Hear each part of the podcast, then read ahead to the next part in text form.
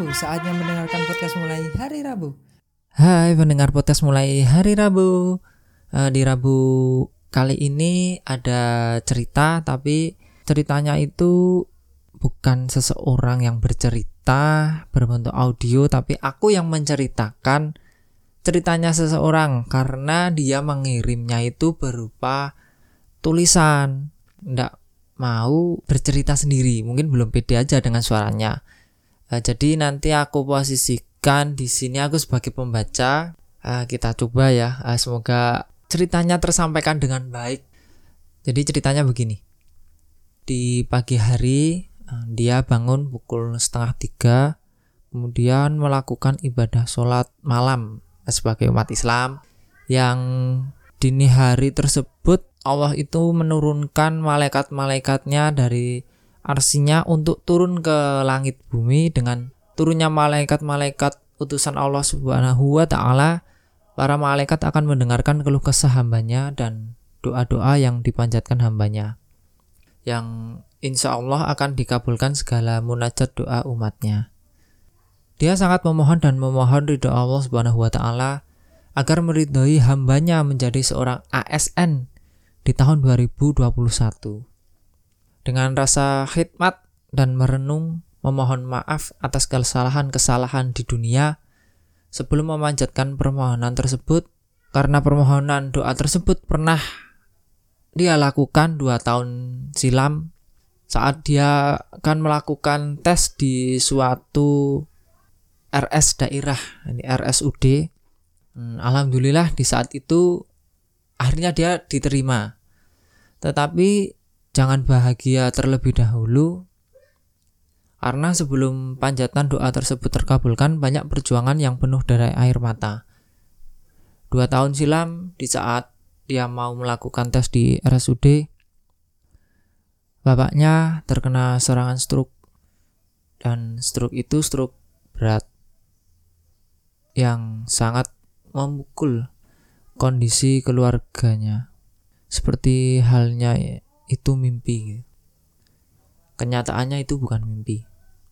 Bapaknya terkena stroke berat yang mengharuskan keluarganya, khususnya ibunya yang sangat dia cintai dan sayangi, merawatnya dengan total dari pemenuhan makan minum, buang air kecil, buang air besar, juga pemenuhan kebersihan sehari-hari seperti memandikan bapak, membersihkan tempat tidurnya, dan sekitar ruangan bapak yang posisi tertidur lemah tanpa berdaya. Salam Hatil kecilnya menangis menjerit seakan semua itu hanya mimpi. Tetapi ini nyata. Nyata yang sudah digaris tangankan, ditakdirkan dari Sang Pencipta Hari berganti hari. Terus menerus ibunya, kakaknya, berjuang merawat bapaknya agar sembuh dari stroke dan bisa kembali sehat normal. Dia mengakui ibunya sangat menyayangi bapaknya. Tiada hari tanpa ada di dekat bapak. Ibunya selalu menemani bapaknya di tempat berbaringnya di suatu kamar berukuran 3 kali 3 meter. Dia hanya menangis di dalam hati menjerit melihat kondisi bapak yang tidak bisa apa-apa yang dirawat oleh ibunya. Dia waktu itu masih bekerja di RS swasta, jauh dari rumah, yang tidak memungkinkan dia bisa merawat bapaknya setiap hari. Padahal profesinya itu perawat. Suatu waktu dia memperoleh informasi bahwa RS daerah di kampungnya membuka lowongan pekerjaan sebagai perawat di RSUD. Dia sangat bahagia mendengar kabar RS daerah di kampung asalnya dilahirkan membuka lowongan kerja. Dari situ dia berpikir, di situ akan ada pintu jalan untuk berharap dan semoga bisa diterima untuk menemani ibunya dalam proses merawat bapak yang sakit stroke berat yang sudah berjalan selama 9 bulan. Dia melihat tahap seleksi di RS daerah tersebut melakukan proses perekrutan dilakukan dua tahap. Tahap pertama adalah tes TKD, tes kemampuan dasar, dan tahap kedua TKB, tes kemampuan bidang. Dia melihat tanggal jadwal tesnya. Alhamdulillah di tanggal tes libur dari pekerjaan yang masih jauh dari orang tua di RS swasta tadi. Dalam hatinya berkata, semoga ini pintu pertama saya dimudahkan dalam menjalani tes tanggal 23 Juni 2018 mengikuti tes tahap pertama pulang dari ke rumah untuk mengikuti tes di RSUD. Sesampainya di rumah, dia langsung memohon restu agar lancar dalam tes tahap pertama. Singkat cerita, tes tahap pertama sudah dilaksanakan dan tinggal menunggu pengumuman. Satu minggu kemudian, pengumuman keluar. Dari 45 orang perawat bedah yang mendaftar dan tahap pertama hanya diambil 21 orang. Dia masuk dalam 21 besar itu. Namun hanya di peringkat 12 besar. Dalam hatinya bertanya, apakah bisa masuk ke dalam tujuh besar esok? Sedikit pesimis karena tidak ada siapa-siapa yang membawanya untuk bisa masuk dengan mudah di perekrutan tersebut. Karena dirinya mendengar isu-isu bahwasanya di luaran banyak yang harus memakai uang dan lain sebagainya. Namun, rasa optimis bukan sombong itu datang. Dia merasa pasti bisa karena demi agar dekat dengan orang tua. Agar bisa membantu ibu merawat bapak yang sedang sakit stroke berat. Karena di tahap 2 besok akhir hanya diambil 7 perawat bedah. Selanjutnya satu minggu setelah pengumuman tahap 1 akan dilakukan tahapan selanjutnya yaitu tahap 2. Tahap 2 dilakukan tepatnya tanggal 7 Juli 2018. Alhamdulillah di tanggal tersebut dia libur bekerja. Jadi bisa mengikuti proses tes. Dia pulang dari Jogja ke Purworejo. Sesampainya di rumah Purworejo, itu rumah bapaknya. Ternyata rumah sepi sunyi. Tak ada yang membuka pintu rumah. Dia langsung menghampiri saudara dekat rumah dan menanyakan bapak ibu ke mana. Dan ternyata bapak masuk RS lagi untuk menjalankan perawatan dan kondisi saat ini lemah dan memburuk. Dia sangat sedih. Di hari esok, dia akan tes tahap 2. Tetapi bapaknya posisi terbaring lemah di RS. Dia langsung bergegas ke RS. Waktu itu kondisi hujan lebat, ada petir yang suaranya sangat keras, bergelegar, yang menambah pikiran dia ke mana-mana. Ya Allah, sesampainya di RS, Bapak hanya terdiam, mengeluh sakit, tetapi tidak bisa berbicara karena stroke berat menjadikan afasia, tidak bisa berbicara. Sangat sedih melihat kondisi waktu itu. Dia putuskan malam itu dia tidak mengulas belajar untuk berperang melakukan tes tahap 2 esok pagi. Dia memilih untuk bergadang, menunggu bapak yang sedang berkeluh sakit. Detak jam terus berjalan sampai pukul 12 lebih satu menit. Bapak belum tidur. Dia terus menunggu sampai pukul 1 dini hari.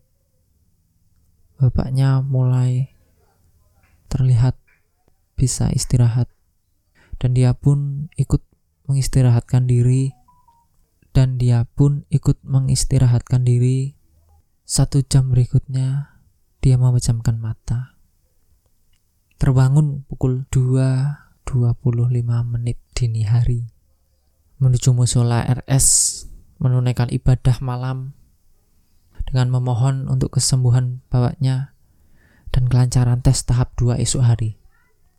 Di pagi harinya setelah sholat subuh, dia bersiap-siap menyiapkan alat-alat untuk tes pagi. Dia berpamitan dengan bapak dan ibu memohon restu untuk melakukan tes tahap 2. Dia mencium tangan ibu dan bapak. Setelah dia mencium tangan ibu dan bapaknya, sesaat setelah melepas ciuman tangan bapaknya, dia melangkahkan kaki keluar dari kamar perawatan bapaknya di RS tersebut. Tiba-tiba ada suara, Wan, Wan, bapaknya memanggil. Dan dia menoleh ke belakang, bapaknya menjulurkan tangan. Dan dia menoleh ke belakang.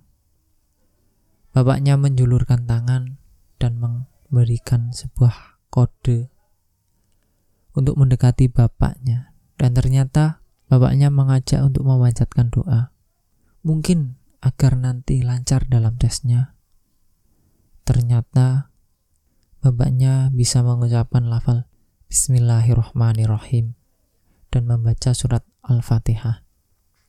Walaupun suaranya cedal dan agak tidak jelas. Dan itu suara yang sangat dia rasa sempurna selama 9 bulan.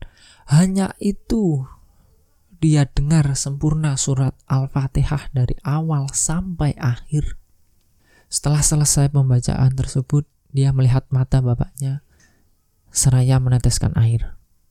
Dan dia langsung peluk cium kening bapaknya dan berpamitan berangkat.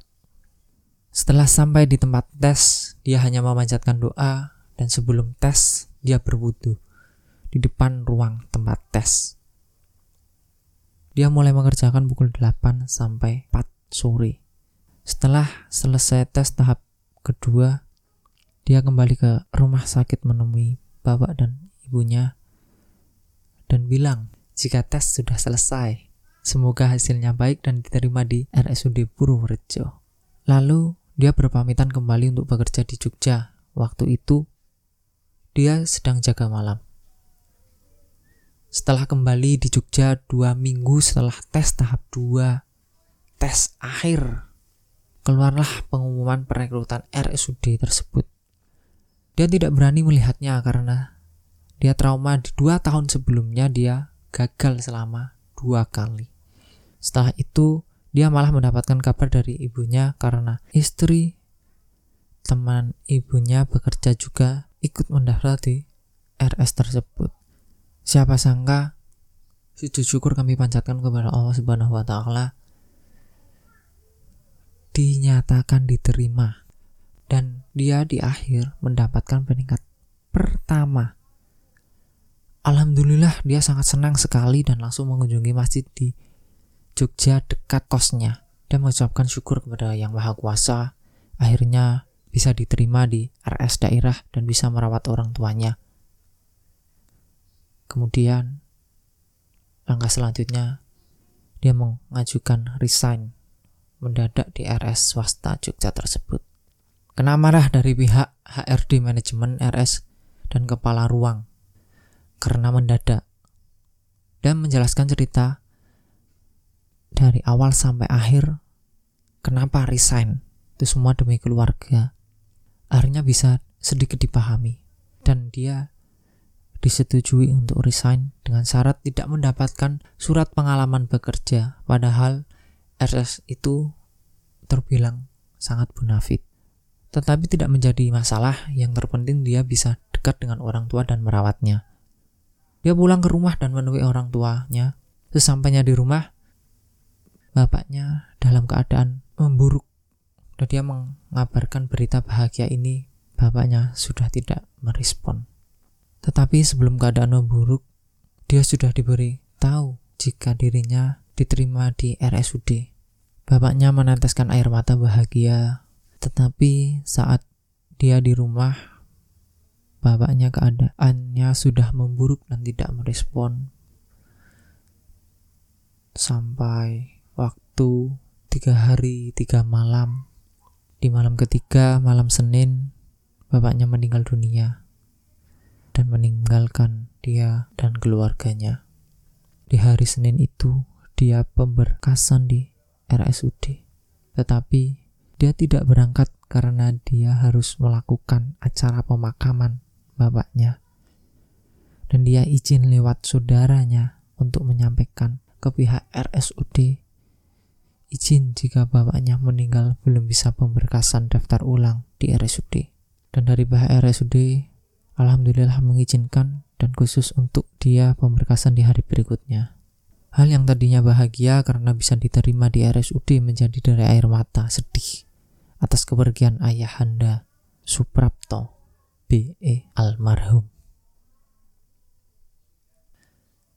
Eh, itu cerita dari teman saya yang real semoga menjadikan sebuah inspirasi untuk semuanya. Pendengar podcast mulai hari Rabu. Apa pun yang terjadi kita tetap harus semangat untuk terus melanjutkan kehidupan dan menerima sesuatu apa yang tidak bisa kita rubah. Itu dulu podcast di hari Rabu kali ini. Selamat menjalankan hari Rabu. Terima kasih